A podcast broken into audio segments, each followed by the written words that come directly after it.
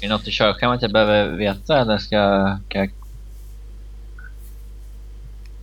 Nej, är du så... Jag trodde du var så duktig så du behöver, eller inte behöver. Nej. Men det är inte att vi ska ha tagit ut någon lag eller så här. Nej, det märker du. Okej. Jaha. Kör när ni är redo.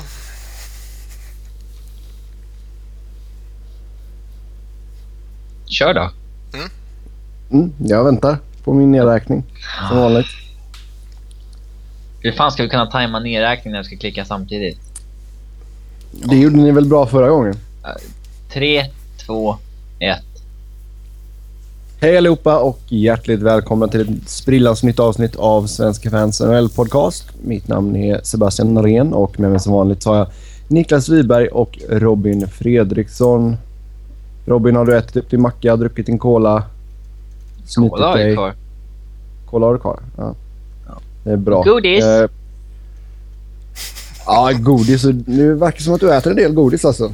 Ja, det är mycket godis.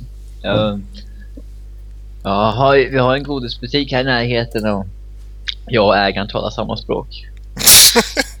Han har redan din påse klar när du kommer. Nej, men jag, jag brukar ju aldrig gå under två kilo kan man säga. Eh, men han brukar alltid ta samma pris ändå. Han är, han är schysst. Och så... Eh, ja, han, eh, han håller på Liverpool också så jag får alltid stanna och snacka. Oj, oj, oj. Ja, ja. Ja. Niklas, vad har du framför dig? Eh, ett eh, tangentbord och eh, en datorskärm. Ingen dryck? ingen dryck och ingen godis. Nej, så jag, själv kör man ju på en patenterande kombon kaffe och snus. Mm. Det är så gubbigt. Ja, men det, är bra, det måste jag ha för att starta min morgon här. Vet du. Det är, klockan är bara kvart över nio i Kalifornien. fattar inte det där beteendet att så här, jag måste ha kaffe på morgonen annars blir jag inte en människa. Liksom. Ja, men det är, alltså, det, det är så när man är fast i kaffeträsket. Liksom. Det är, När du växer upp kommer du förstå Robin. Mm, Ja, men Jag jag, började- gillar inte När, kaffe. när, när du blir vuxen förstår du. Ja, men jag kommer inte börja dricka kaffe. Jo du. Nej. Jo. ja, jag, jag började dricka kaffe väldigt tidigt eh, faktiskt. Ehm, mest på grund av att det var så jäkla kallt eh, under sluttampen på säsongerna på Gamla Ullevi. Så eh, då blev det att man drog en kaffe med massa mjölk och socker i. Fast nu, nu har man ju gått över och kör bara svart kaffe. Eh, men nog om våra dryckesvanor. Nu så ska vi snacka hockey såklart och eh, vi börjar med lite kontrakt, rykten och trades. Eh, Adam Clendenning i utbyte mot Gustav Forsling. En trade mellan Vancouver och Chicago. En högerfattad back mot en vänsterfattad back. Och vad har vi att säga om den här lilla traden?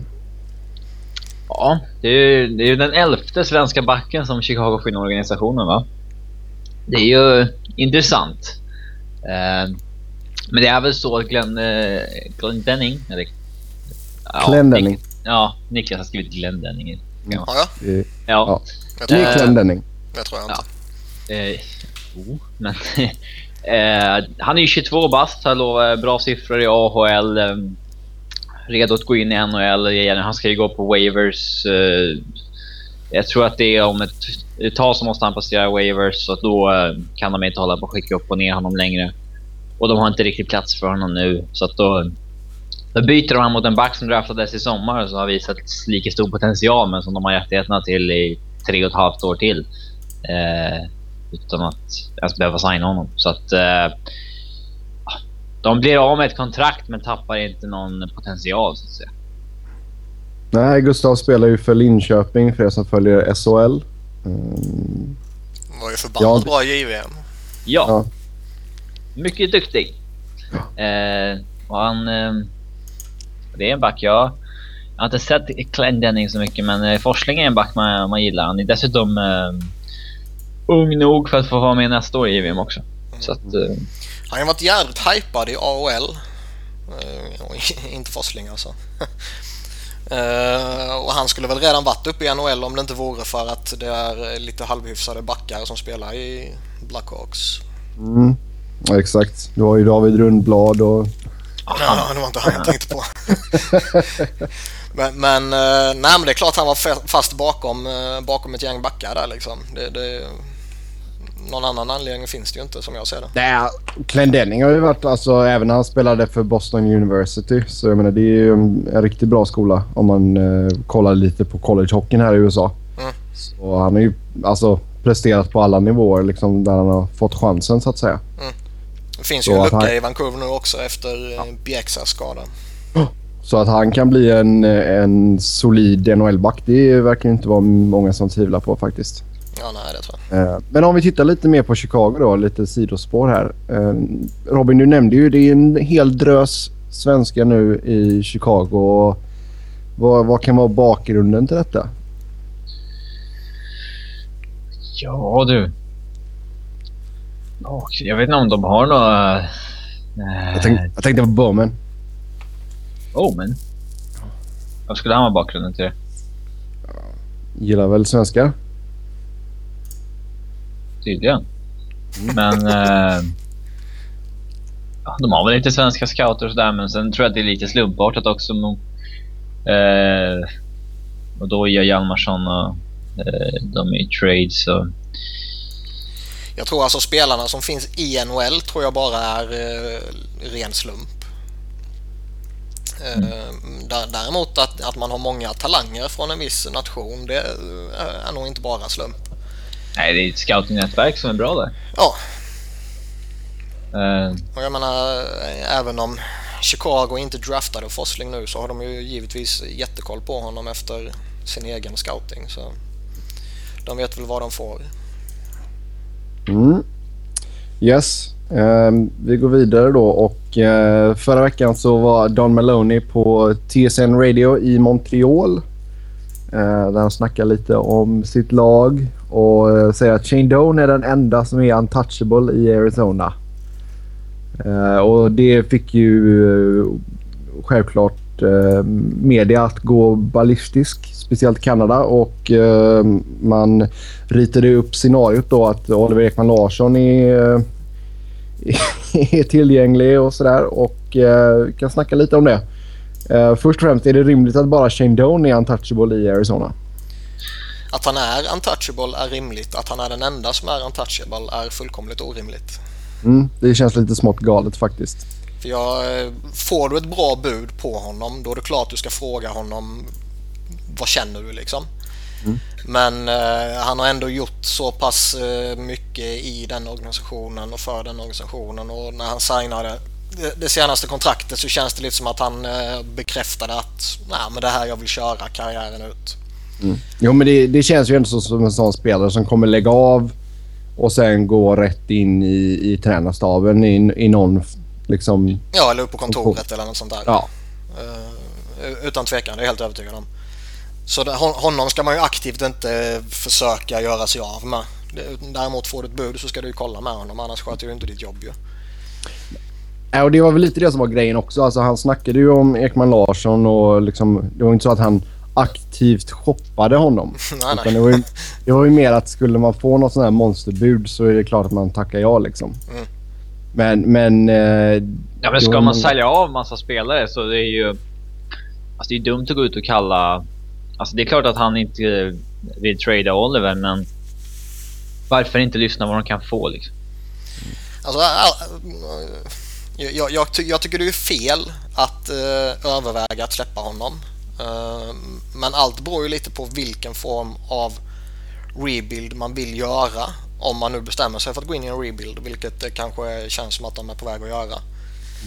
Så eh, vill, vill du bara försöka eh, fixa till den stommen du redan har. Ehm, då är det ju dumt att släppa honom. Då skulle jag ju hellre släppa en sån som Keith Yandel i så fall som också kommer till ett jättebra utbyte. Ja.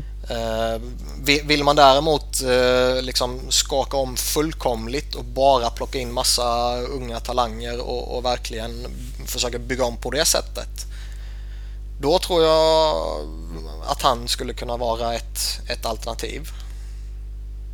Tillsammans med flera andra då. Uh, om du vill bygga den här, en ny ung kärna. Men vill du bara skaka om befintlig kärna och, och behålla fortfarande liksom eh, hyfsat äldre veteraner och, och, och kryddat med, med någon sån där 24-25-åring där liksom, då, då skulle jag inte släppa honom. För jag, alltså, en spelare av Ekman Larssons klass är ju på marknaden vid extremt få tillfällen. Jo, men det är ju det som är grejen. Alltså, du har ju 29 lag som skulle knacka på dörren då liksom. Ja, ja. Och det är... Alltså även ifall man går in i full, alltså extremt full rebuild så tycker jag inte att man ska... Så jag hade ju fortfarande inte släppt honom. Han sitter på ett hyfsat bra kontrakt ändå. På ett fantastiskt kontrakt ju. Ja, och Fem och en jag halv menar, menar, så jag menar, ja, och är fortfarande väldigt ung och har redan liksom åstadkommit en hel del. Så ja, det, jag ser väl honom mer som en av eh, byggstenarna för, för att det här laget ska liksom kunna bli någon, någorlunda liksom... Ja, det, är så- det är en sån spelare man vill ha runt alla de här unga man kanske vill bygga vidare på givetvis. Men, men det är också den spelaren som du skulle kunna få riktigt många bra unga för. Ja, ja, Ja, absolut. alltså- Men, men liksom, vad, vad är utbytet liksom? Det var snack om att... Vad var det jag läste på, på våran sida där på Svenska fansbloggen? Uh, Phil Kessel mot uh, Ekman Larsson rätt av. Det skulle man inte göra. Det är bara onödigt att byta upp alltså mycket äldre spelare sådär mot... eh, Men skulle de byta med Colorado till exempel, då skulle de få antingen McKinnon eller Duchene. Och då är liksom att... Att få den där första centern att bygga på är nästan oftast viktigare än att få den där första backen. Liksom. Mm. Så att... eh, Kan man få någon sån så... eh, Skulle man väl över, överväga det. Men... eh, Ja, jag, alltså jag tror inte att han kommer byta bort Ekman Larsson. Jag tror inte han skulle ha något emot det för att det ser, det ser inte jätteljust ut för Arizona kommande åren.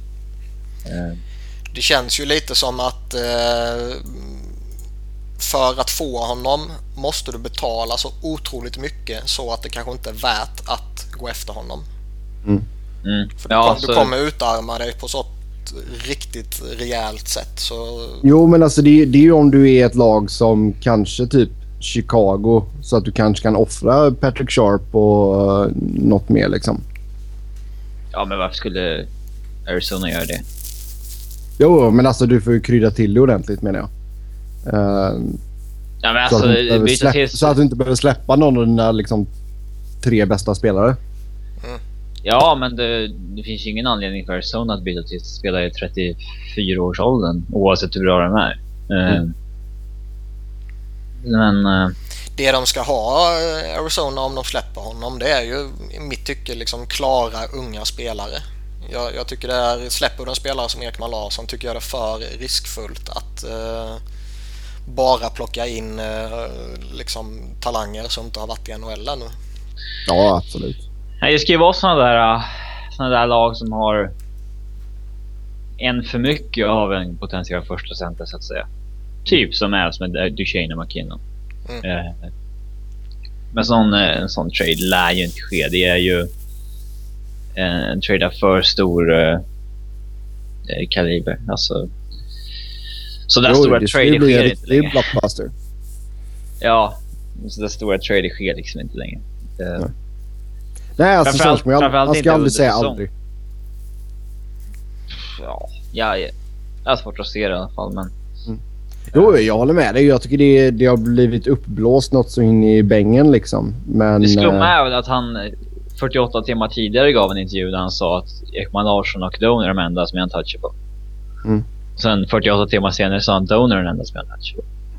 Jo, men alltså jag tror att Maloney är riktigt... Alltså jag tror han är riktigt pressad just nu och det. Det var ju fantastiska bilder på honom i...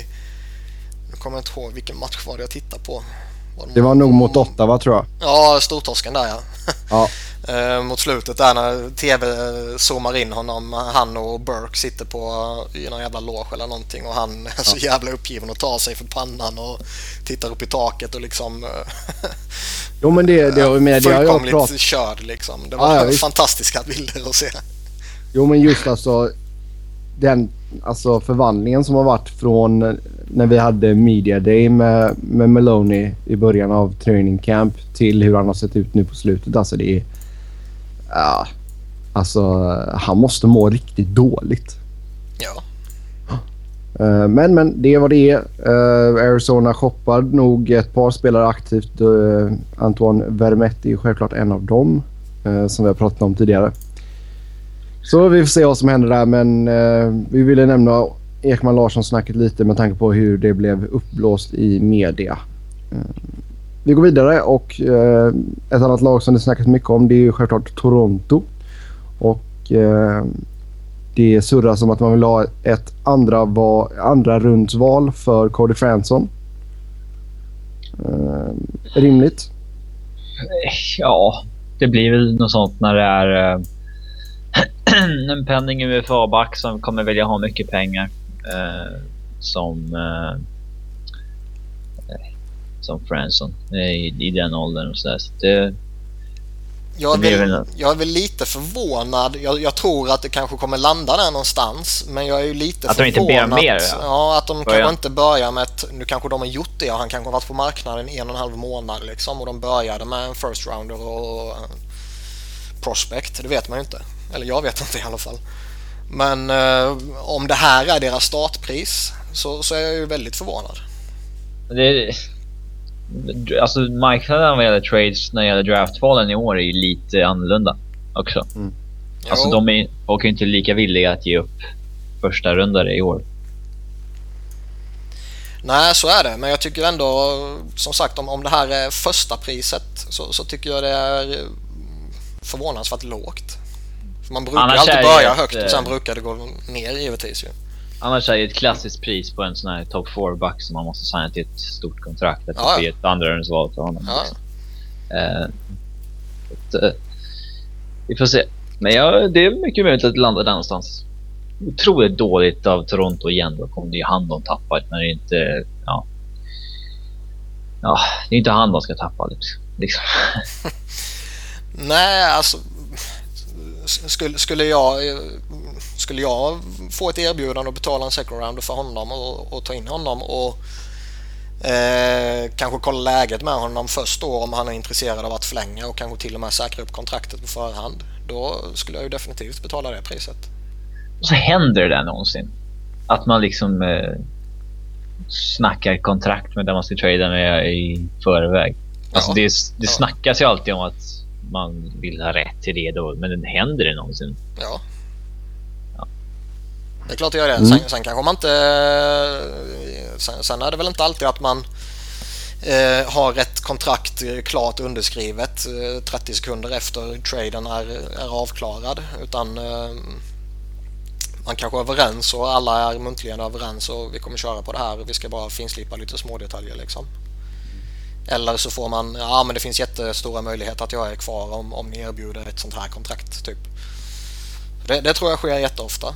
Och mm, jag menar, det, det, det sker ju titt som tätt att en, en, spelare blir klar och sen smack har han en förlängning. Mm. Ja, vi får se vad som händer där med Fransson. Det borde ändå så finnas lite av en marknad för honom kan vi väl tro. Vancouver kopplas samman med Martin Hansel i Arizona och eh, är det en spelare som ni ser skulle passa i Vancouver och eh, finns det någon reservation där med tanke på hans skadehistorik? Eh, jag tror att han skulle passa rätt bra i Vancouver. De har inte ersatt Ryan Kessler och det är väl den centertypen man kanske vill ha bakom Henrik Sedin. Så att, eh, jag tror jag skulle passa jäkligt bra. Men just med tanke på att han har varit skadad en hel del. Det, no, alltså, jag hade ju varit lite orolig ifall jag hade gått efter Hansel? alla spelare är skadade. Alltså det...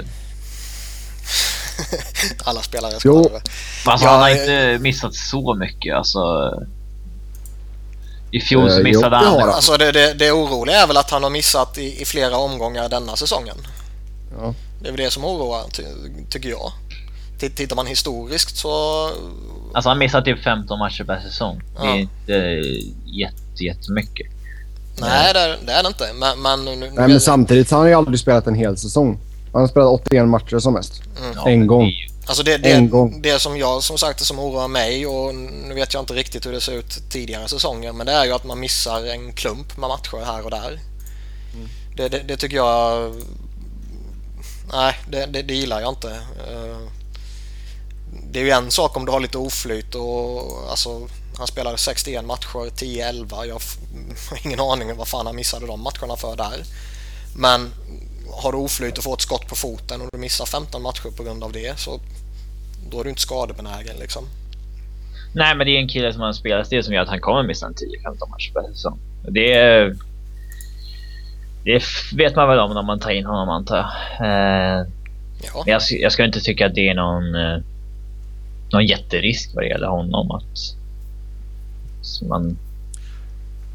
Alltså det är ju en bra spelare. Det är ju ingen snack om saken. Sådär. Och jag, kan han bara ge fan i att ta onödiga utvisningar i offensiv zon så är det en väldigt effektiv spelare. Men alltså jag hade varit orolig med tanke på att han har... Alltså det är inte Loophole, det är inte Loophole-skador liksom? Att han... Nej. Äh, jag, jag, det, det, är klart att man, eh, man, man ska ha det i bakhuvudet om man gör en trade för honom och sådär. Men är jag intresserad av honom och jag vill ha honom och jag känner att den spelartypen och den uh, människan passar bra in i mitt lagbygge och i min grupp så, så skulle jag ju gå efter honom. Mm. Uh, däremot är det ju kanske en grej man kan använda i förhandlingarna med uh, både honom så småningom om du pratar kontrakt men också mm. med Arizona. Mm. Ja, eh, vi får se vad som händer. Ehm, vi går vidare i schemat och eh, Dion Phaneuf. Mycket Toronto och Arizona-snack här nu. Ehm, New Jersey, Calgary och Dallas ehm, nämns som eh, intressenter där för Dion Phaneuf. Och, finns det någon bra fit där? Jag tror många lag skulle behöva en Dion Phaneuf, men uh, New Jersey ser jag inte riktigt uh, eh, eh fit. De har så många bra unga upp, eh, backar på uppgång. Alltså Severson, Merrill, Larsson och Jelena som jag skulle vilja försöka bygga en topp 4 kring. Um, och sen så uh, har de Andy Green också som är ja, genuint bra. Och så där, så att, där ser jag inte riktigt uh, någon anledning att ta in honom. Uh, Calgary. Mm, de har ju sitt första backpar med Giordano och Brody som de kommer vilja hålla fast vid. Uh, Men de har också Burke som bossar. Ja. Uh, han gillar ju Dion, men uh, man ska ta in Dion till 7 miljoner för att spela ett andra backpar. Det är, svårt att se. Eller svårt att se. Men där i Dallas tror jag skulle vara en perfekt uh, destination om man ska ta in en Sen är frågan om han ska vara en back som liksom spelar i ett första backpar. Eller liksom den som leder ett första backpar. Men han skulle bli klar i ettan när han gick in i Dallas i alla fall. Jag ser väl... Eh, alltså, jag, jag, tror det viktigare för honom kanske är att komma bort från Toronto egentligen. Mm. Eh, var han sen skulle hamna så tror jag egentligen att han skulle kunna spela vilken roll som helst. Eh, jag tror han skulle göra det bättre på, i en liten marknad som Dallas. Liksom. Där det inte är den mediala pressen och, så fort du missar en, en eh, 45 meters passning så blir du i, princip eh, inkompetentförklarad. Så det, det, det, det, tror jag är det viktigare. Och jag är helt övertygad om att han är en spelare som kan spela i ett första par i uh, vilket lag som helst. Uh, är du sen, ska du, har du sen målbilden att du ska vara det överlägset bästa laget i ligan, då kanske han inte ska vara din första back. Men det är, Nej, men om man, om man, Jo, det är klart att det är skillnad på lag och lag, men om vi tittar på Dallas närmare där då. Alltså det, är, det är nog som du säger, alltså få spela i en lite mindre marknad med lite mindre medial press hade nog gjort han väldigt gott. Ja, och liksom går, går, han till Dallas så är det ju inte han som kommer vara det stora namnet där heller. Uh, utan det, det, finns ju andra lag som är före honom där. I, i mm. Toronto mm. är det väl ändå Faneuf och Kessel som är de två stora. Uh, ja, här, här speciellt med tanke på att han är kapten också. Ja, här, och här skulle han ju hamna bakom uh, Jamie Benn och Tyler Seguin. Kanske till och med Jason Spetsa. Svårt att se mm. hur de skulle kunna få in en 7 miljoners hit dock. Det... Ja, det är det som är alltså hur, vad skulle man ge utbyte och vad skulle man behöva göra för att få Det räcker ju för sig långt ifall man bara ger upp Sean Horkoff alltså som en captain. Uh, men uh, så ska ju Eric Coles kontrakt ut också. Han lär ju inte bli kvar. I alla fall inte till den där prislappen. Uh, de blir av med Perry Release uh, hit också efter den här säsongen. Så att, de kanske klarar det där rätt, rätt bra. Men de... det känns mer som en off-season trade än att det är någonting som skulle hända nu. Mm. Mm. Ja, vi får se ifall uh, det händer någonting där med FNF. Uh, sen uh, Evgeni Nabokov, Tampa Bay, uh, gick igenom waivers och uh, är karriären över för Nabokov? Ja, jag tror det. Uh, Flyers sköt sönder hans karriär. Mm. Han var ju fullkomligt bedrövlig i den matchen. Och det var väl där efter den matchen det känns som att det, det tog fart så att säga. Um, så jag, jag, jag tror... Uh, det, ja, nej, det kommer nog inte bli mycket mer Nabokov. Nej, men det kändes så lite alltså även alltså slutet i Islanders att det var... Ja, det var väl en värvning som var ifrågasatt i ganska, somras. Fort, Ja, det var en värvning som var ifrågasatt tidigare. Eh, men, men eh, alltså det, det, om, man tittar på, på Irishman och Tempa så var det väl ändå rimligt att ta in en veteran bakom Bishop och låta de unga målvakterna utvecklas. Men eh, så här kass kan han ju inte vara. Även om givetvis din andra målvakt rimligtvis bör vara sämre än din första målvakt så kommer du alltid ha ett behov i att din eh, andra målvakt kan gå in och i alla fall inte förlora matcher åt dig. Du kanske inte kan ha kraven att han ska gå in och vinna matcher åt dig som du kan ha på en första målvakt. Men, men du kan inte ha en målvakt som kommer förlora matcher åt dig. Vilket han har gjort. Inte om han är Tampa framförallt. De vill ju... Ja, nej, för Buffalo är det ju bara positivt ju. Men, men uh, Tampa kan ju bränna rätt mycket på det. Mm. Ja, vi, han kan i alla fall se tillbaka på en uh, uh, lång karriär här. Han är ju... Vad är han? 39? Fyller 40 ja. i sommar. Mm. Mm.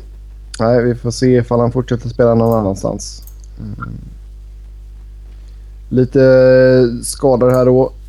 Kevin Chattenkirk eh, tvungen att operera en magmuskelskada och eh, vecka till vecka just nu. Eh, sabbar det hans Norris-chanser? Eh, det beror väl på hur länge det är. Är det två Säg att han är borta så, i tre veckor. Ja, alltså, ja, ja, kanske. Blir det upp mot en månad då tror jag det kan påverka. Men blir det bara eh, två, tre veckor då, då tror jag inte det kommer eh, på det sättet påverka ens chans på, på Norris. Inte när det kommer så här sent på säsongen.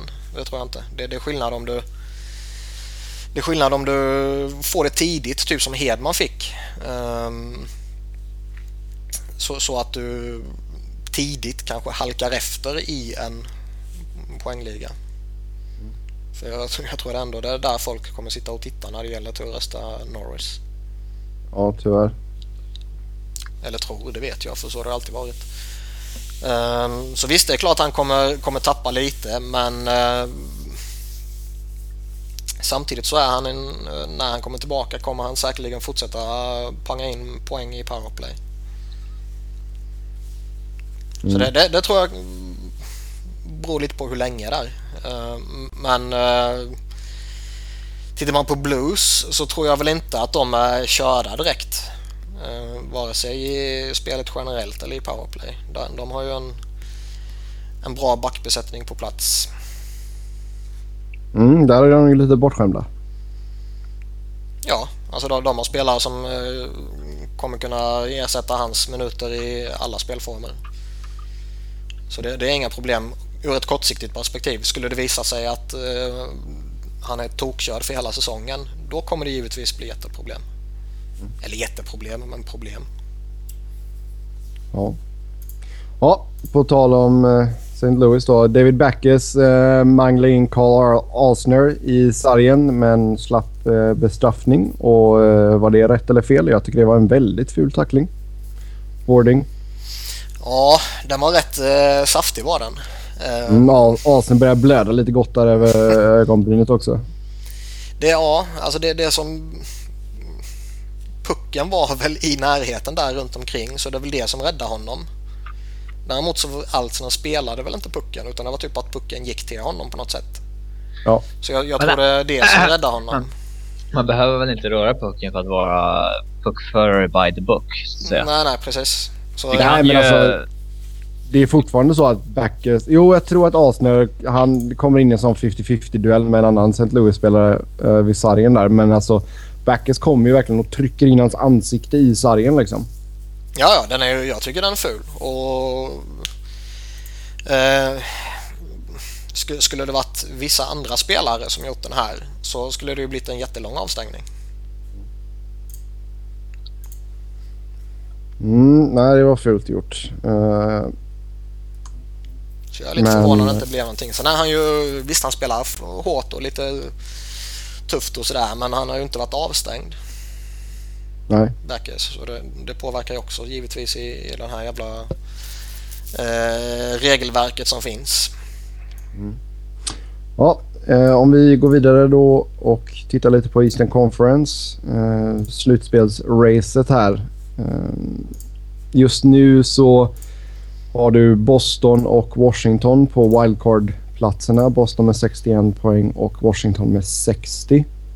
Eh, närmast efter där är Florida med 52. Eh, man har två matcher till godo på Washington och Boston men eh, kan vi redan nu säga att det är avgjort slutspelsracet i East? Jag tror det. Eh, lagen som finns där och som ligger precis utanför wildcard-platserna är inte tillräckligt bra för att hämta upp det försprånget. Eh, alltså Florida kanske möjligtvis kan göra ett försök så att säga. Men, jag tror inte de kommer räcka till. Eh, Philly. Philly, Ottawa och Toronto är liksom nej. Mm. Buffalo kan ju, kan även om de skulle vinna resten av alla sina matcher nu så... Ja, de kommer inte nå ändå typ. Alltså det är bedrövligt. Man har förlorat 14 matcher på raken. Imponerande. Alltså det är... det, vi får väl ta detta lite senare under säsongen här men Buffalo kan ju vara bli historiskt dåliga alltså. Nej, det kan de inte. Vi hade väl bara San Jose för en... eh, Ja, kan det vara 15 år sedan? Då vann de väl sju matcher per säsong. Eller någonting. Var det för 15 år sedan? Ja, vi får ta och kolla på det Ja, lite men typ senare. eh, säsongen. 97. Alltså när de fick drafta Marley. Ja, men vi säger 2000-talets sämsta lag då. Jag vet inte. Alltså Mm. jag tror att det finns några värre exempel faktiskt. Nej, vi, det är sånt vi får researcha vet du. Det men vi tar det sen. Det är... Ja, det är en jävla Jag- skillnad på hur det går resten av säsongen. Ja, ja absolut. Absolut. Eh, nej, men Niklas som du säger där, alltså Florida kanske, alltså ja. Alltså de är ju inte jättebra form just nu heller liksom. De är 3-6-1 i senaste 10 så... Men de har liksom ändå övertygat denna säsongen på något sätt och, och jag tror väl av de, De lagen där så tror jag att de kan... Jag tror inte de klarar det men jag tror det är de som kan göra ett försök kanske. De, de har ju absolut tagit eh, rejäla kliv framåt. Det är, det är ju synd att det är så lite folk som går på Floridas matcher för det är inget tråkigt lag att titta på. Sen beror det också på lite vi- vilka lag som ligger framför dem. Alltså jag, Mm. ser, jag ser ju inte, om man tittar på lagen poängmässigt framför dem så ser jag ju inte Rangers, Boston eller Capitals kolla- kollapsa på det här sättet. Nej. Det är Eh, bara Capital som kanske, kanske. Ja, men jag, jag tror inte de kommer kollapsa så under Barry Trotz. Eh, det- Under Ovechkin, nej. Det, nej, men jag, jag tror inte det. Utan eh, de, de känns för... Alltså de, de är inte bra på det sättet. Men de har Ovechkin. Men, ja. Så det, Mm. jag, jag, jag tror inte det finns några lag som kommer kollapsa och, och liksom verkligen bara rasa ner så att Florida går om tack vare deras kollaps. Nej, men det måste ju vara något lag av från Florida ner till Columbus som liksom går på en vinner 9 av 10 eller någonting snart. Liksom. Någon Ja, av dem måste ja. göra det. Så då får man se. Men då är mm. grejen är att då måste ju alla de här lagen där uppe börja torska också. Ja, men det räcker väl med att Washington då vinner fyra av tio den perioden eller någonting. Och ja, då är det ju kontakt igen. Ja, det är det jag säger. De måste börja torska också. Ja, mm. men de kommer inte vinna alla. Nej, vi får se i alla fall. Niklas säger att det blir dessa åtta lagen i slutspel. Och jag är ja. redo att hålla med honom. Ja, Sen kanske det blir annorlunda placeringar, men eh, de åtta lagen... Jo, det är en annan femma. Mm. Mm. Om vi blickar över till väst då. Eh, där är det lite tajtare kan man ju lugnt säga. Eh, just nu så har du Winnipeg och Vancouver på wildcard-platserna.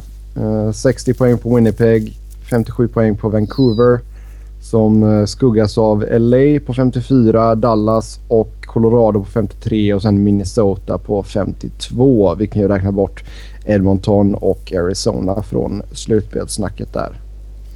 Jag tror ju det finns eh, en större eh, möjlighet eller risk beroende på vilket lag man supportrar att eh, några av de här lagen som är på slutspelsplats idag kan falla igenom.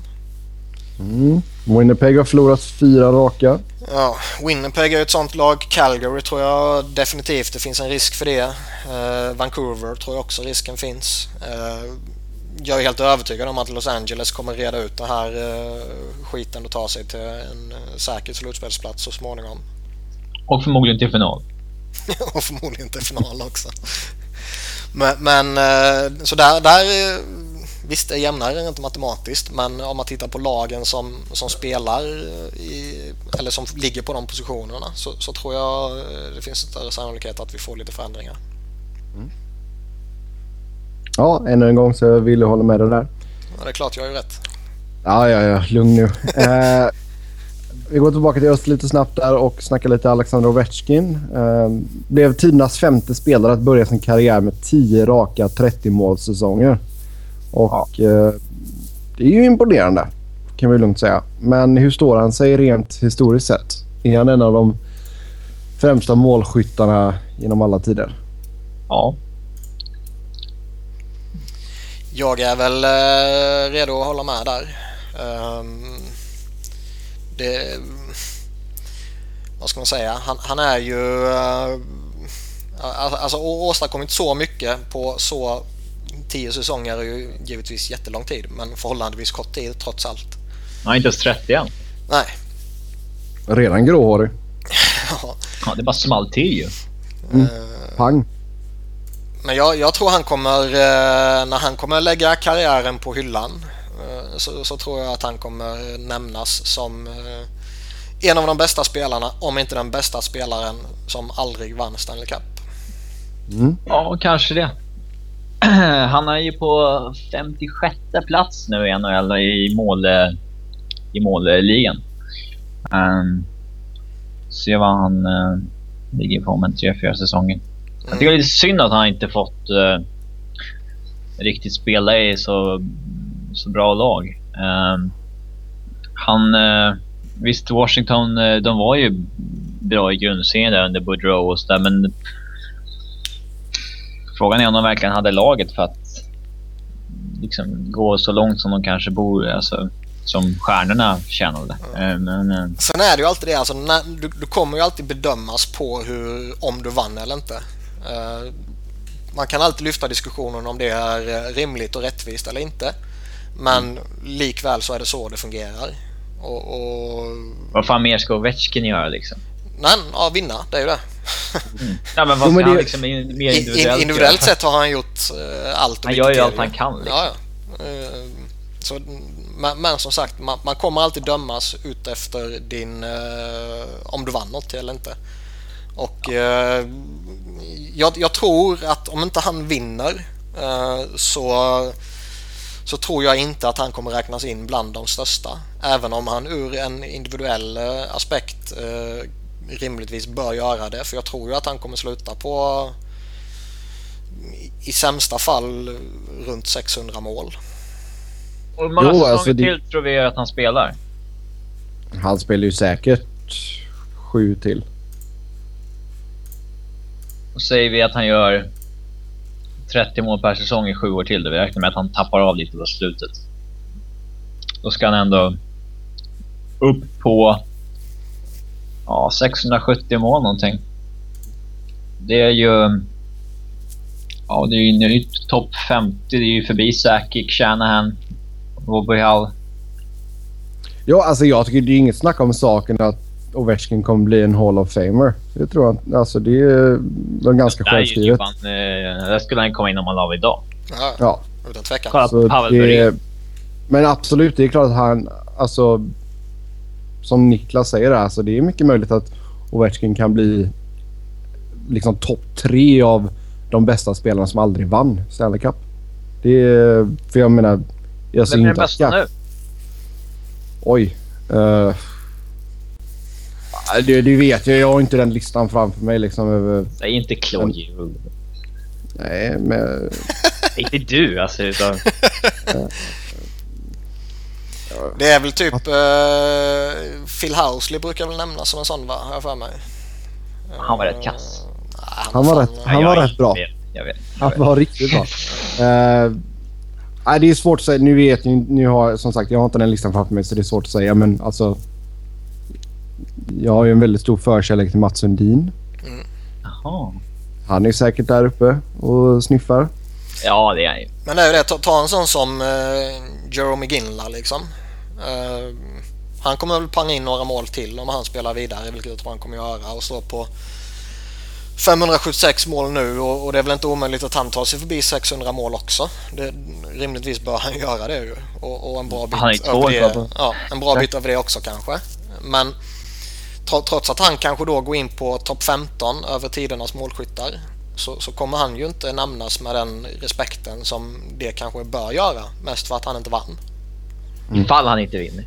Jag är rätt så övertygad om att Colorado inte kommer vinna. Men visst, han kanske blir tradad. Då kanske han vinner. Eh, Men jag menar, det, det är ju ändå alltså det, det är ju det, det är ju de intrycken man tar med sig. Alltså all, alla kommer ihåg när Teemu Selänne, när han vann den här jävla Stanley Cup. Hans tårar liksom. Jo, absolut. Nej, men sen, alltså, om vi tittar tillbaka på Ovechkin lite då. Alltså, visst, 10 säsonger med 30 plus mål, men fem av dem har han alltså haft 50 eller fler. Ja, Det är riktigt imponerande. Ja. Det säger jag inte emot. Så att han inte fick gå in i ligan ett år tidigare också. Då han haft en 30 mål till. Mm. Eh, eftersom det var lockout. Eh, jag hoppas i alla fall inte att han drar till KL om tre år eller något sånt där skit. Det vore trist. Även om, liksom, Chicago, även om Washington kanske är usla. Liksom. Eh, men, eh, Men jag tycker ändå så att han, alltså... Han visar ändå så en jäkla lojalitet till Washington med, när han signar liksom det kontraktet som tar honom över liksom 2020, Jag vet inte fan om 2021. det är lojalitet. Det är nog uh, här Då vart han ju bäst, då vart han ju bäst betald i ligan och Washington såg jättebra ut då. Det var liksom... Ja. Jag vet inte om han hade, om han hade varit pending i UFA i år så... Det fan om han hade förlängt där alltså. det, Nej, det hade inte jag gjort om jag var honom. Alltså, det nej. Jag har alltid undrat varför inte spelare som typ... Eh, alltså inte när man är 29 bast kanske som Ovechkin men... Eh, vi säger som om när Joe Thornton eller Marlowe eller någon av dem... Eh, deras kontrakt går ut när de är 36-37. Varför man inte då... Man kan ju klämma ur ett treårskontrakt någonstans på x antal miljoner till. Men varför man inte signar för en miljon på ett år i bästa laget? Mm. Om man inte har vunnit. ja, nej, det har vi pratat om flera gånger och varje gång säger vi att han borde göra det och sen så tar han det bästa kontraktet ändå. Alla är väl pengakåta helt enkelt. Mm. Sen tror jag också när man kommer upp i den åldern så påverkar väl familjeliv också. Eh, Har du ungar som går i skolan med vänner och allt sånt där så vill du kanske inte slita upp dem bara sådär. Det är därför man ska vara singel som hockeyspelare. Mhm. Ja. Bredvid Ovechkin då så har ju Bäckström gjort en väldigt bra säsong och han hamnade ju lite i skuggan av Ovechkin och det har han väl gjort under hela sin karriär. Mm. Eh, varf, varför får inte Bäckström mer props? För att han spelar bredvid Ovechkin. Jo, men alltså det, är ju- det är ju sanningen liksom. Men tror du att det kan vara, bero lite på Bäckströms personlighet också? Att han är lite... eh, Jag skulle inte kalla honom... Jag skulle inte kalla honom blyg längre, men det, för det var han ju när han Tillbakadragen. Ja. Ja, Han, han är inte den som står ut på det sättet som vissa andra gör. Eh, inte stjärnan. Nej. Eh, så det, det påverkar nog givetvis. Sen är det väl den enkla förklaringen är väl oftast den sanna förklaringen och den enkla förklaringen är ju Ovechkin. Ja, han är bättre helt enkelt. Det är, det är mer stjärnglans runt honom. Ja, Eh, och framförallt alltså tittar du på en match så Niklas Bäckström kommer, eh, kommer sällan stå ut eh, med en fet tackling eller ett eh, kanonskott eller en eh, dribblingsraid i hög fart eller något sånt liksom. Eh, Utan det är Ovechkin som gör det.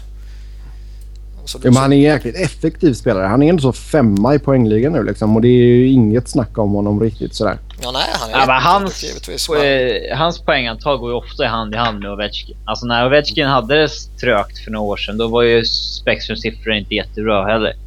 Så att, eh, det finns ju en del, del elaka tunga som säger att Bäckström i princip bara är en produkt av Ovechkin. Eh, och det... Det är väl lite fel för det är inte så Bäckström som serverar Ovechkin. Eh, ja, men det är nog många gratis assist där också. Det, Jo, men det är ju. Ovechkin, det- Ovechkin kan ju skapa eh, saker på egen hand på ett sätt Ja, som alltså- Bäckström inte gör. Ovechkin är väl kanske bäst i världen på just att hämta puck var som helst och ta sig till ett skottläge och utnyttja det. Eh, men det hade varit intressant att se Bäckström bredvid vanliga spelare en hel säsong eller ett par säsonger för att få lite sample. För det är ingen alltså det är ingen garanti på att han ens gör en 20 mål på en säsong. Det har inte gjort sedan någon i 10. Eh, när han gjorde 33. Så att... Eh, se. Det, det är klart att det, han har, det är fortfarande en första center. Liksom. Mm. Ja, vi får se. Eh, sen eh, hoppar vi vidare och eh, vi pratade lite om denna herren förut. Men Adam Larsson har han äntligen fått sitt genombrott här nu. Kommit igång på riktigt. Han har äntligen fått chansen. Mm. Förtroende. Ja. Eller ja, alltså han har ju fått spela förut men det är ju det är inte samma sak om du har ögonen på dig varje gång och så fort du slår en felpassning så ser du Peter Board titta på dig och nej, peka upp mot läktaren. Det är, skill- det är skillnad på att spela och spela också. Eh, Ja. Nu har han ju faktiskt, alltså jag tror den spelartypen han är tror jag ju inte kommer vara effektiv med eh, liksom 11.37 i istid. Utan han tror jag kommer behöva ligga eh, kring 20 eller strax över 20 minuter som han spelar numera. Och, och, och verkligen hitta en rytm i matchen och, och komma in på det sättet och, och kunna diktera ett spel och, och styra ett spel. Så det, det, det tror jag är en viktig faktor. Eh, och sen som sagt ett förtroende och en eh, ja, tre coacher har väl nu som, som vågar spela honom. Mm. Och som vågar eh, alltså han, han har ju gi- tagit ett steg framåt givetvis och, och gör det bra. Men, men givetvis gör han fortfarande misstag. Men det är som Robin säger. Du, du kan ju inte spela med vetskapen att så fort jag gör ett misstag så kommer jag eh, kommer jag ja, Straffas. ja, straffas, inte få spela mer. Eller spela väldigt mycket mindre. Eh, Det, det är ju ingen bra eh, utvecklingsgrund för unga spelare. Eller det är ingen bra grund för några spelare överhuvudtaget. Men framförallt inte unga. Nej, men var det inte lite så också? Det har jag ju nämnt tidigare. Att han slängdes in lite för tidigt och att det var lite för stora krav på honom. Som Ja, de borde nog inte, de borde nog inte slängt in honom direkt efter draften. Tror jag. Nej, jag menar han spelade ju ändå så 65 grundseriematcher den säsongen. Ja. Nej, de borde gett han ett år. För att han var ju inte ens ledande back i Skellefteå sista året innan draften. De borde gett han definitivt gett han minst ett år till. Hemma i Mm. Skellefteå. Ja, eh, det kan jag lätt hålla med om faktiskt. Men vi får väl hoppas att han har kommit igång nu på riktigt och eh, ja, allt sånt där. Att vi får se honom i landslag och etc. etc.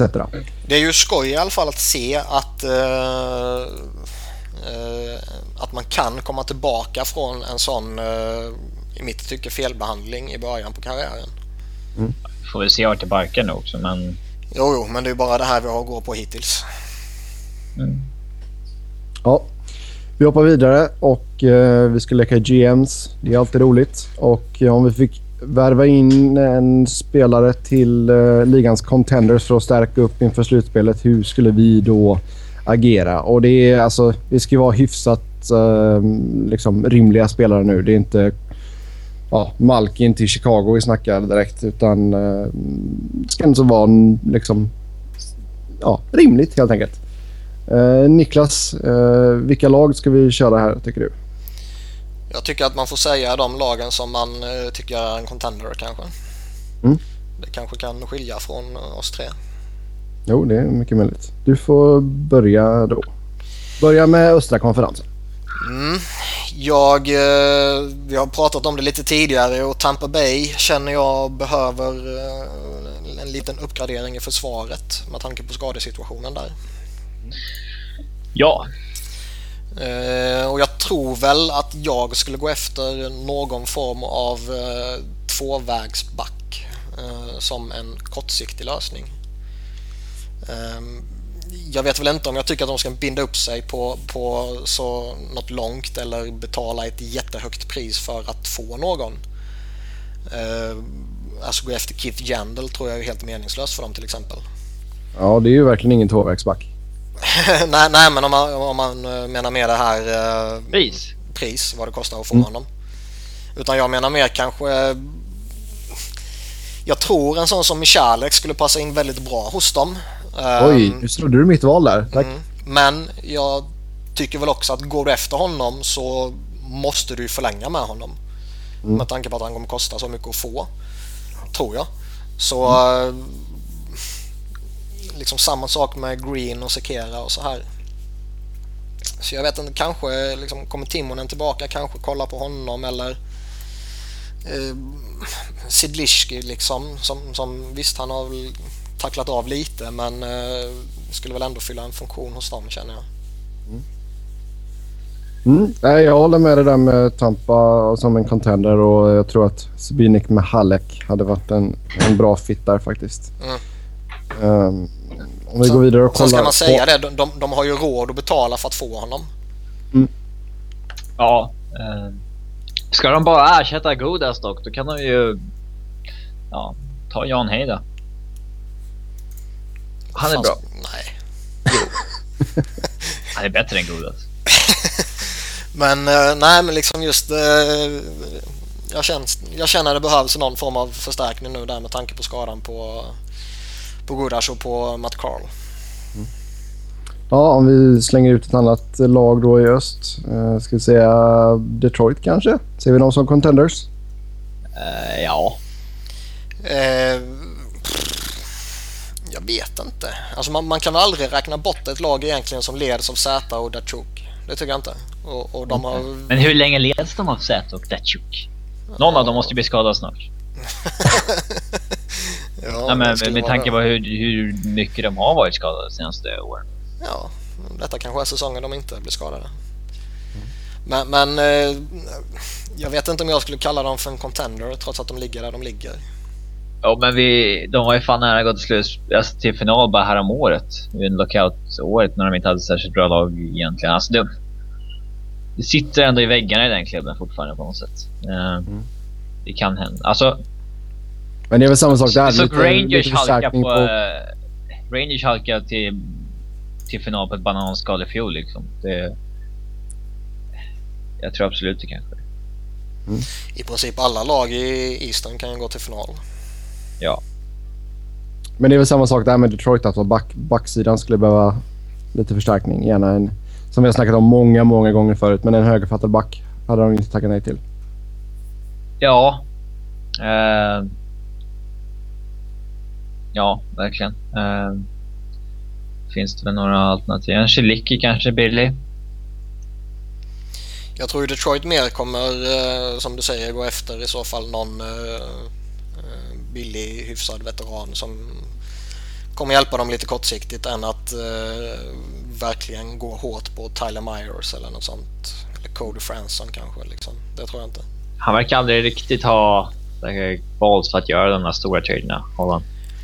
Han är där och petar lite lite grann, men så här, frå- Frågan är ju också vill, vill, man, vill man göra någonting riktigt stort när man har osäkerheten med Mike Babcock?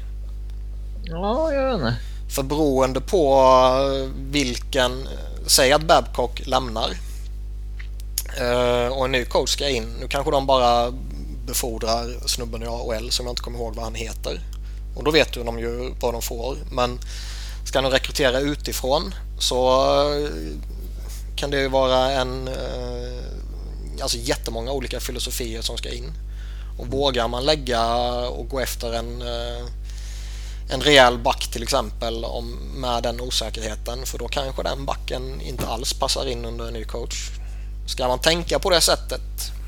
Det är en rätt så intressant eh, eh, tanke tycker jag. Mm. Ska vi dra av två lag till här? Ni får välja två lag till.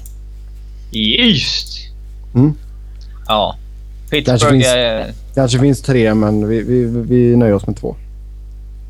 Ja, Ja. Pitt- Pittsburgh är det väl givna alternativet då. Och som jag, eh, Vi ska väl tugga dem lite senare så vi kan ta det då kanske. Ja, ett annat lag... Eh... Alltså ja. Ni får, ni får välja mellan Boston eller Montreal. Ja. Vad säger du Robin? Montreal är ju bättre, men jag vet inte. Det känns fort... Boston... Om man säger du Boston så säger jag Montreal så får vi prata Ja. om båda. Ja. Ja. Okej då. Kör på. Jag, jag gillar Montreal. Jag tycker de har ett bra eh, lagbygge på, på plats redan. Men eh, eh, jag tycker deras centerbesättning är för svag jämfört med de andra lagen som förmodligen kommer utmana om att gå hela vägen. Ja, går de upp mot Bergeron Krejci i ett slutspel så lär det märkas. Ja, alltså du har Boston, du har Pittsburgh, eh, Tampa Bay. Eh, och tittar man sen i en eventuell final så kommer ju i princip oavsett vilket motstånd du får i en final, möjligtvis Nashville undantaget, så kommer du ha den sämre centerbesättningen. Mm. Eh, ja. Har du någon namn på någon center? Det är ju ett rätt dåligt centerutbud skulle jag säga. Jag landar Alltså han väl... skulle inte ge någon jätteuppgradering på någon. Nej, jag landar nog ändå på uh, Vermette. Och Mm, Jag tänkte säga det. Det har varit lite snack om Montreal och Vermette. Ja, det har varit snack och det, det är ju en uppgradering men eh, i de bästa av världar så är det ju en bättre center som behöver komma in. Han men- pratar ju franska också, vilket är väldigt Ja, det viktigt för alltid- Montreal. Jo, men det, det är det. det. Det ska man inte hymla om. Det är det. Ehm, men han är ju mer den här andra centern, den här liksom stabila andra centern som de redan har i uh, Plekanec till exempel. Enligt Mm. mitt tycke bör han vara en andra center i ett lag. De är väl inte redo att göra Galchenyuk till sin första än. Nej, eh, och det bör man ju inte göra om, om, man, eh, i- om man bara tittar på det i dagsläget då. Långsiktigt så tror jag definitivt på det. Eh, Men, men eh, den här första centern kommer de ju inte hitta nu. Och då är Mm. frågan, ska, ska man då ta en annan lösning i, i väntan på att man kanske hittar den lösningen internt eller externt? Eller ska man bara låta det vara? Är det så att Parent har ju fortsatt borta också så de eh, måste nöta på Dale Weiss i första kedjan så bör de kanske gå efter en Jagr eller någonting. Mm. Mm. Okej, vi lämnar Montreal där och så Boston snabbt, snabbt till Boston. Nej, men, eh, deras topp 6 tror jag fortfarande är så pass bra att de inte bör liksom göra något radikalt där just nu i alla fall. Eh, framförallt när de har Pasternak på uppgång och liksom inte riktigt vet var de har honom än. Eh, så eh, Jag tycker det här specifika behovet av en right-winger som pratats om tidigare. Det omedelbara behovet har ju försvunnit nu när Pasternak har kommit fram. ja, så det finns dumt att göra någonting radikalt där när de inte riktigt Ja. vet vad han kommer bli än. Mm. Eh, Därem- Däremot tycker jag att det fortfarande finns ett behov av att stärka upp djupet lite.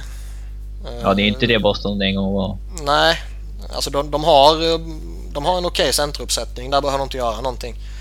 Eh, Men, kanske en, en ny winger för bottom six eller något sånt där. En ny rutinerad back kanske också, eller Krug eller något. Ja, Jag tycker får, får köra ordning på sina grejer så håller ändå den här backbesättningen lite till. Mm. Lite insurance. Sen har, sen har man ju alltid Tuka där längst bak också. Överskattat. Nej, det är bra. Eh, vi blickar över till väst då. Eh, här finns det ju också en del lag att snacka om. Eh, självklart så nämns ju alltid Chicago. Vi kan börja med dem. Ja, eh, det är väl alltid, när man pratar Chicago så är det väl alltid snack om centerpositionen. Och det finns väl alltid, eller fortfarande rättare sagt, ett eh, visst behov där också. Men eh, jag tycker väl inte riktigt att det finns behovet så att man kanske ska offra sina fina tillgångar för att försöka plugga igen eh, ett halvt hål. Nej, det som de skulle kanske behöva göra är väl få in någon tredje center som kan peta ut Shaw på en wing igen eller någonting. Eh, Ja, det, det är det jag menar. Alltså det, det finns ju ett behov utan att finnas ett stort behov. Mm. Lite som när de tog in Hansus för två år sedan där. Mm. Eh, men det här att försöka liksom dunka in en riktig andra center innan de vet vart de har Terravainen och så där, det, det känns onödigt. Nej, alltså lek med tanken med att gå efter Vermette bara för att nu gör vi ett push det här eh, året också innan vi kanske behöver släppa lite, lite gubbar på grund av capen. Eh, det, det tror jag inte alls på. Nej, onödigt eh, att ge upp sådana tillgångar också. Alltså det skulle ju kosta så mycket. Så Ja. att, eh, Plus att du kommer behöva de tillgångarna sen om du måste släppa dyra kontrakt. ja, han är inte så jävla bra heller med så att det är värt det. det. Så jag vet inte, skulle jag vara Chicago skulle jag nog, mm, bortsett från att de inte får några skador, skulle jag nog bara sitta still egentligen. Mm. Okej. St. Louis då? Lite samma sak där. Eh, kanske kan man få efter, eller gå efter lite, lite bättre djup bland forwards. Um, visade, som vi sa tidigare, visade det sig att Chattenkirk är tokkörd hela säsongen. Då behöver man plocka in en back också. Annars tycker jag de har ett, ett, eh, ett lagbygge som jag tycker är eh, väldigt vettigt. Ja, eh, ser vi Nashville som contenders, men Nej. Ja, det är ändå ligans bästa lag, men jag ser väl inte dem som en riktig sån här klockren contender. Det gör jag väl inte. Nej, de är årets Colorado. Ja, lite så. Och, som sagt, som, som, som jag sa tidigare, det, de har eh, en centerbesättning som jag är tveksam till. Mm. Även om Mike Ribeiro har varit säsongens fynd. eh, Pacific Division då. Eh, California-lagen. Anaheim tycker jag är en eh, definitiv contender när de fick in Kessler innan. Um, och det är väl lite samma sak där med dem som det var med, med Tampa Bay. Att uh, jag skulle överväga att stärka upp försvaret.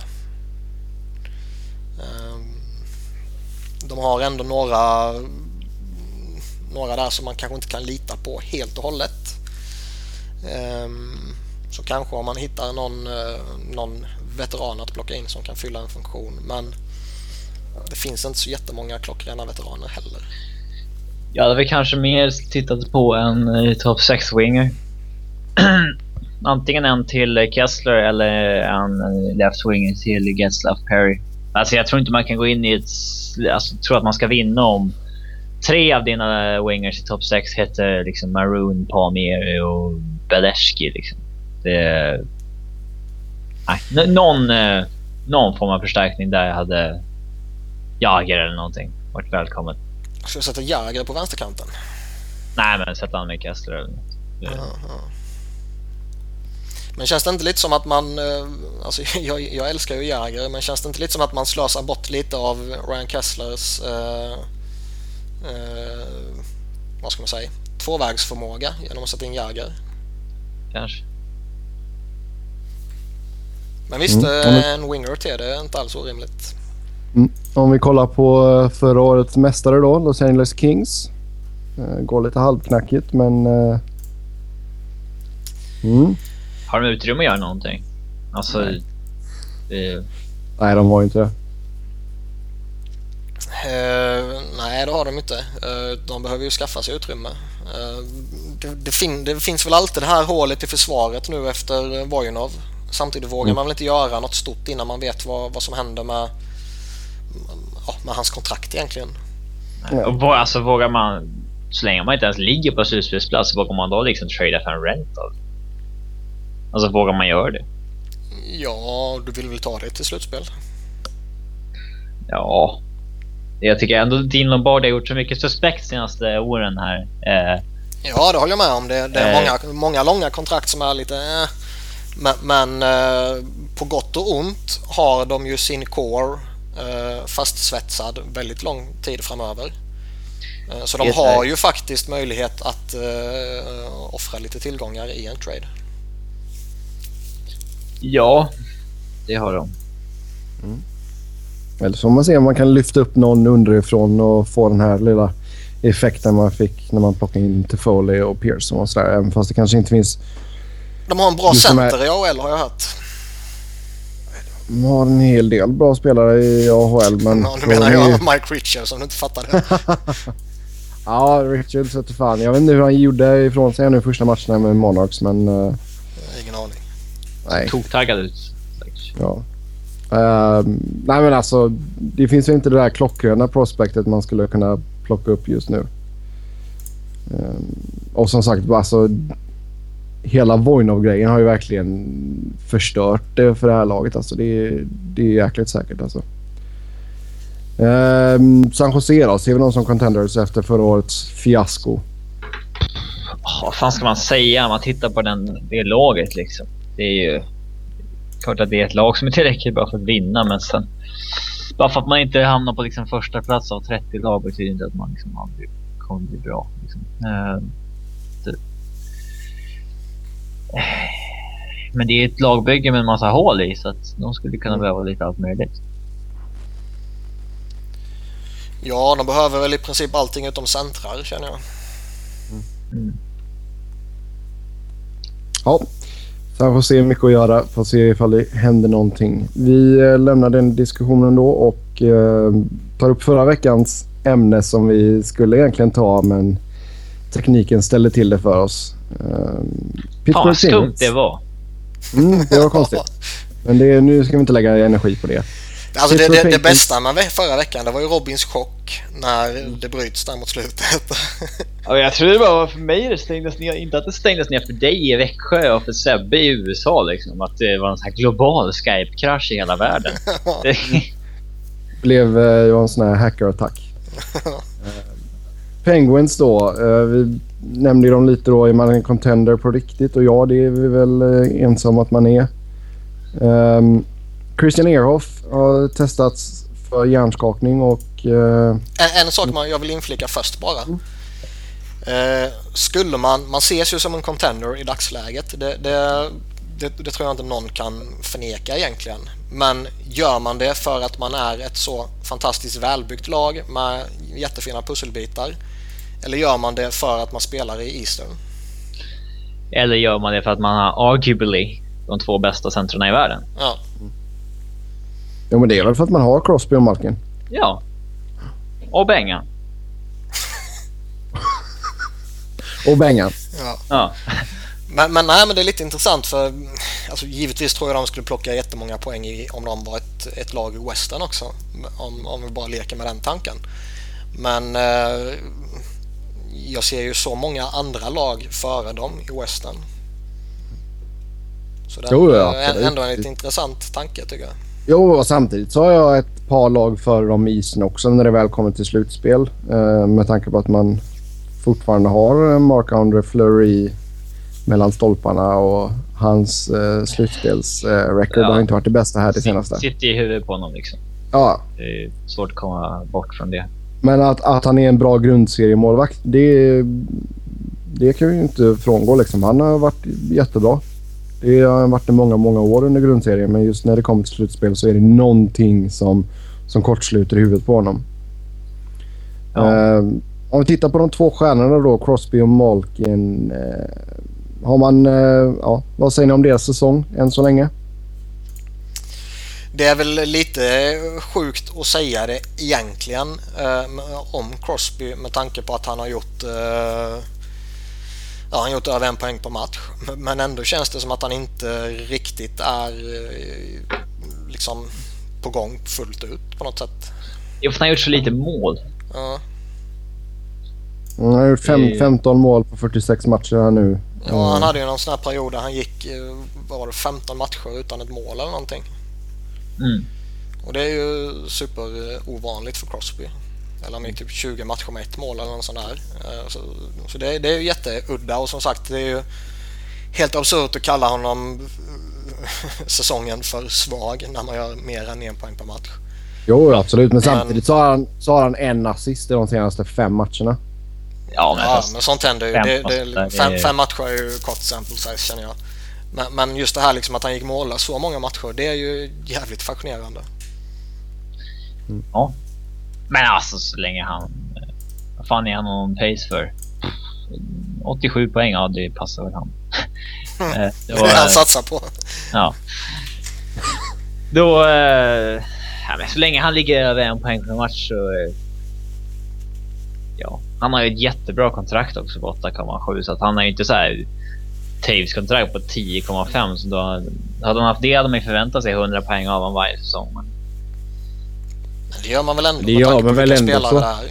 När du tittar på Crosby tittar du inte på vilket kontrakt han har utan du tittar ju på vad fan det är Sidney Crosby. Ja, men han tar ju inte upp i halva löneutrymmet liksom. Så att, uh... Nej, nej, så sett är det kontraktet är bättre än Toews, det håller jag med om. Men, men uh, du bedömer ju inte Crosby utefter hans kontrakt. Nej. Sen är det väl, har, har du han och Malkin och, och båda är friska och krya och allt sånt här så kommer det ju alltid vara ett, uh, ett lag som kan vinna vilken match som helst. Mm. Förutom mot Philadelphia. ja. Uh, Malkin då, han... Uh, ska vi se vad han ligger på. Han ligger på 19 mål och 32 assist. Mm. Det, var ju, det var ju en period där han uh, slet sönder allt och alla liksom. Eh, och var... Eh, ja, en MVP jättekandidat. Eh, det var väl några veckor sedan nu som han var som allra bäst tror jag. Har han den formen så är han bättre än Crosby ibland liksom. Sen är Crosby en mer komplett center. Men, men som sagt, har, man de två så kommer du alltid kunna vinna vilken match som helst mot Philadelphia. det, det kan man räkna med.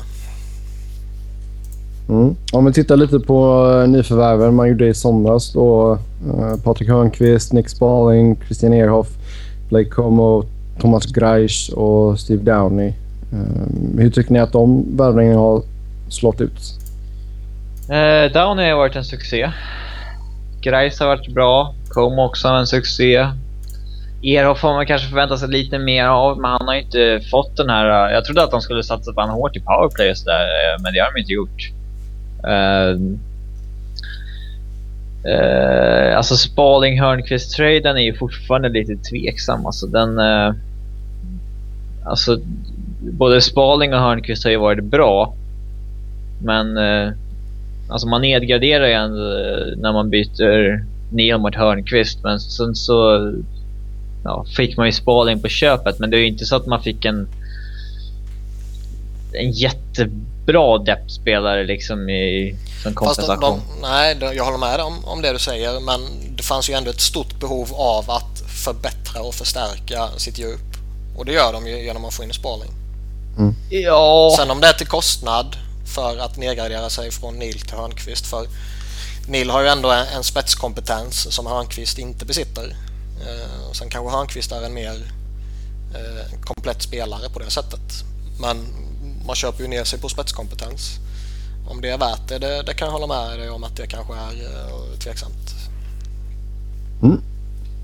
Sen uh, man uh, fick ju Peron här för ett litet tag sedan och hur har, hur, hur har hans första tid i, Pittsburgh varit? Succé! Jag tycker, han, ordet. jag tycker han ser jättebra ut. och det var väl marknadens bästa winger som mm. de fick in får man väl ändå säga. Och, eh, han är bra på det mesta och han är dålig på väldigt, väldigt få saker tycker jag. Eh, nu har han ju dessutom vad det ser ut som eh, lagt de här stora skadeproblemen bakom sig. Och det är givetvis positivt. Ja, det är klart. Man har ju haft otrolig otur med skador eh, denna säsongen för Pittsburgh. Och det har vi pratat om många gånger tidigare, men till exempel då Olli Mäte och sådär. Ehm, Men eh, ja. Vad har vi att säga om Mac Johnston och eh, Jim Rutherford då? Som är ny coach respektive GM. Det är väl... Eh, på något sätt känns det alltid som att det är svårt att utvärdera en coach i Pittsburgh med tanke på att du alltid kommer ha möjligheten att spela två av världens bästa centrar. 45 minuter per match om du vill det. Ja. Uh, Tang ser bättre ut i år än vad han gjort tidigare men ja. jag vet inte om det beror på coachen. Alltså det, det jag känner lite som jag ställde mig frågande till det var ju um, när, när de satte upp Malkin uh, som winger. Ja, uh, li, liksom, udda. Ja, alltså ska du verkligen flytta på Malkin Eh, ska du inte flytta på Sutter i så fall? Mm. Alltså det, den, den, prioriteringen tycker jag är lite, lite udda men jag, jag kan ju inte säga att det är ett felbeslut. Nej. Nej men sen det är som sagt det är svårt när det är liksom det har inte gått så här jättelång tid än heller liksom. Nej och Pittsburgh kommer ju, alltså det märkte man ju de senaste åren. De kommer ju alltid ta, ta sina poäng under grundserien. Alltså, då har de ändå spelarna för att göra. Så det, Pittsburgh är ju först i slutspelet. Man kommer bedöma både laget men också coachen. Mm. Och när du bedömer laget så bedömer du GM då också givetvis. Rutherford är väl annars... Eh, alltså jag, jag tycker han har fått... Eh, djupet är väl fortfarande lite sådär i, i, i, vissa fall men det är ju bättre än vad det var tidigare tycker jag. Mm. Och eh,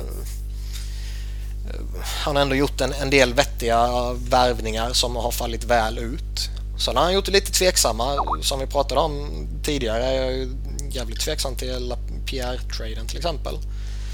Ja, det var jättekonstigt. Ja, Hörnqvist Nil var väl också lite som vi pratade om. Men det, det känns mer som att han ville eh, liksom ville göra någonting och ville Alltså gö göra något för görandets skull om man säger så. Mm. Uh, och, man vet aldrig, det, det kan mycket väl varit något sånt här att han kanske inte var uppskattad eller han... Uh, uh, det har ju småryktats lite om att han var lite locker room cancer och sådär. Ja, alltså det, det kan ha varit lite sådana grejer och, så känner en coach, eller inte coach, en GM när han kom in nu att nej men om stämmer det så vill jag göra det direkt istället för att ge han en halv säsong på sig. Men jag tycker att de borde fått någonting bättre med sig i den traden än Spal. Alltså jag, kan, jag förstår att de valde, ville få in Hörnqvist som en sån som bra spelare och att få in en högerskytt där i den eh, topp 6 också. Men ja, någonting vassare än Spalin borde de fått på köpet, tycker jag. Mm. Uh, om vi tittar då, uh, blickar framåt mot slutspelet. Uh, Alltså vad, är, vad tror ni att man kan tänkas försöka gå efter här och vad, är, vad har man råd med att ta in liksom? Man behöver gå efter en back. Uh, Mäta är ett jättetufft slag för dem att tappa honom. Uh, som vi var på väg började prata om innan så Christian Ehrhoff om, om han är, jag vet inte om det har sagts något nu de sista timmarna eller något sånt där men uh, han har ju testats för hjärnskakning och han har hjärnskakningssymptom. Uh, och han har missat några matcher och har inte kunnat träna och så vidare. Uh, skulle det visa sig att det är en hjärnskakning på riktigt och är allvarlig då, då är ju, och han blir borta en längre tid då, då är det såklart uh, en svår situation för dem att hamna i. Jag var nästan två backar. Alltså... Eh, Bortus funkar. Alltså jag skulle inte vilja spela Poliot i ett slutspel, gå in med honom där. Eh, Scudero tycker jag är värdelös. Eh, jag skulle vilja förstärka den där backsidan rätt rejält. Ja, alltså behöver inte ta in någon, alltså de behöver inte gå efter en Cody Franson, det är inte den backen jag menar, alltså en eh, någon, någon som eh, alltså är dyr. Och, och då kanske jag inte menar att, att trada för honom utan att ha ett dyrt kontrakt. Men åtminstone två backar som kan spela. Mm. Skulle jag vilja ha in. Mm. Ja, uh, vad tror vi då om... Sen, det, en fördel de har förresten det är ju att uh, de behöver ju inte vara jätterädda för att ta på sig en back eller två med term. Med tanke på att de har Christian Ehrhoff som har ett utgående kontrakt. De har Paul Martin som har ett utgående kontrakt. Ja, det känns väl inte jättetroligt att man resignar någon av de två. Ja, ehm, Martin skulle jag verkligen vilja behålla om jag var dem. Ja, men han har också varit lite, lite ojämn tycker jag. Ehm, så jag menar, har, har, du möjlighet att gå efter en back med term och du känner att nej, men han, han vill vi gå in med i fortsättningen istället för Erhoff till exempel. Då, då kan de göra det ju. Det är en annan skill alltså det är en skillnad om de har uh, Earhoff på tre år till. Mm. Så där, där, där, har de ju fördel om man tittar på uh, eventuell trade. Absolut. Mm. Uh, vad tror vi då avslutningsvis om uh, Penguins chanser i år? Tar man sig till Stanley Cup-final? De vinner. Det beror på. Alltså möter de Philadelphia i första rundan kommer de förlora direkt. Nej då. Uh, Philly kommer ju inte ta sig dit så det är ingen, de behöver inte oroa sig i Pittsburgh. Ja. Men uh, nej, som sagt, de, jag, jag, ser väl uh, jag ser väl fortfarande Boston som ett lag som kan gå hela vägen i Eastern. Uh, och jag ser fortfarande Pittsburgh som ett lag som kan gå hela vägen i Eastern. Och tidigare har jag väl bara sett de två. Jag börjar väl luta lite åt Tampa Bay nu också kanske. Mm. Ja, vi får se vad som händer. Det blir en spännande upplösning här på slutet av grundserien. Som vanligt så kan ni snacka hockey med oss via Twitter. Mig hittar ni på @sebnoren. Niklas hittar ni på Niklas Wiberg, Niklas med C och enkel B och Robin hittar ni på R underscore Fredriksson. Ehm, kom gärna med kommentarer, eh, förslag. Skicka förslag till Niklas om vad ni vill att vi ska ta upp i programmet. Så hörs vi igen nästa vecka. Ha det gött. Hej! Hejdå.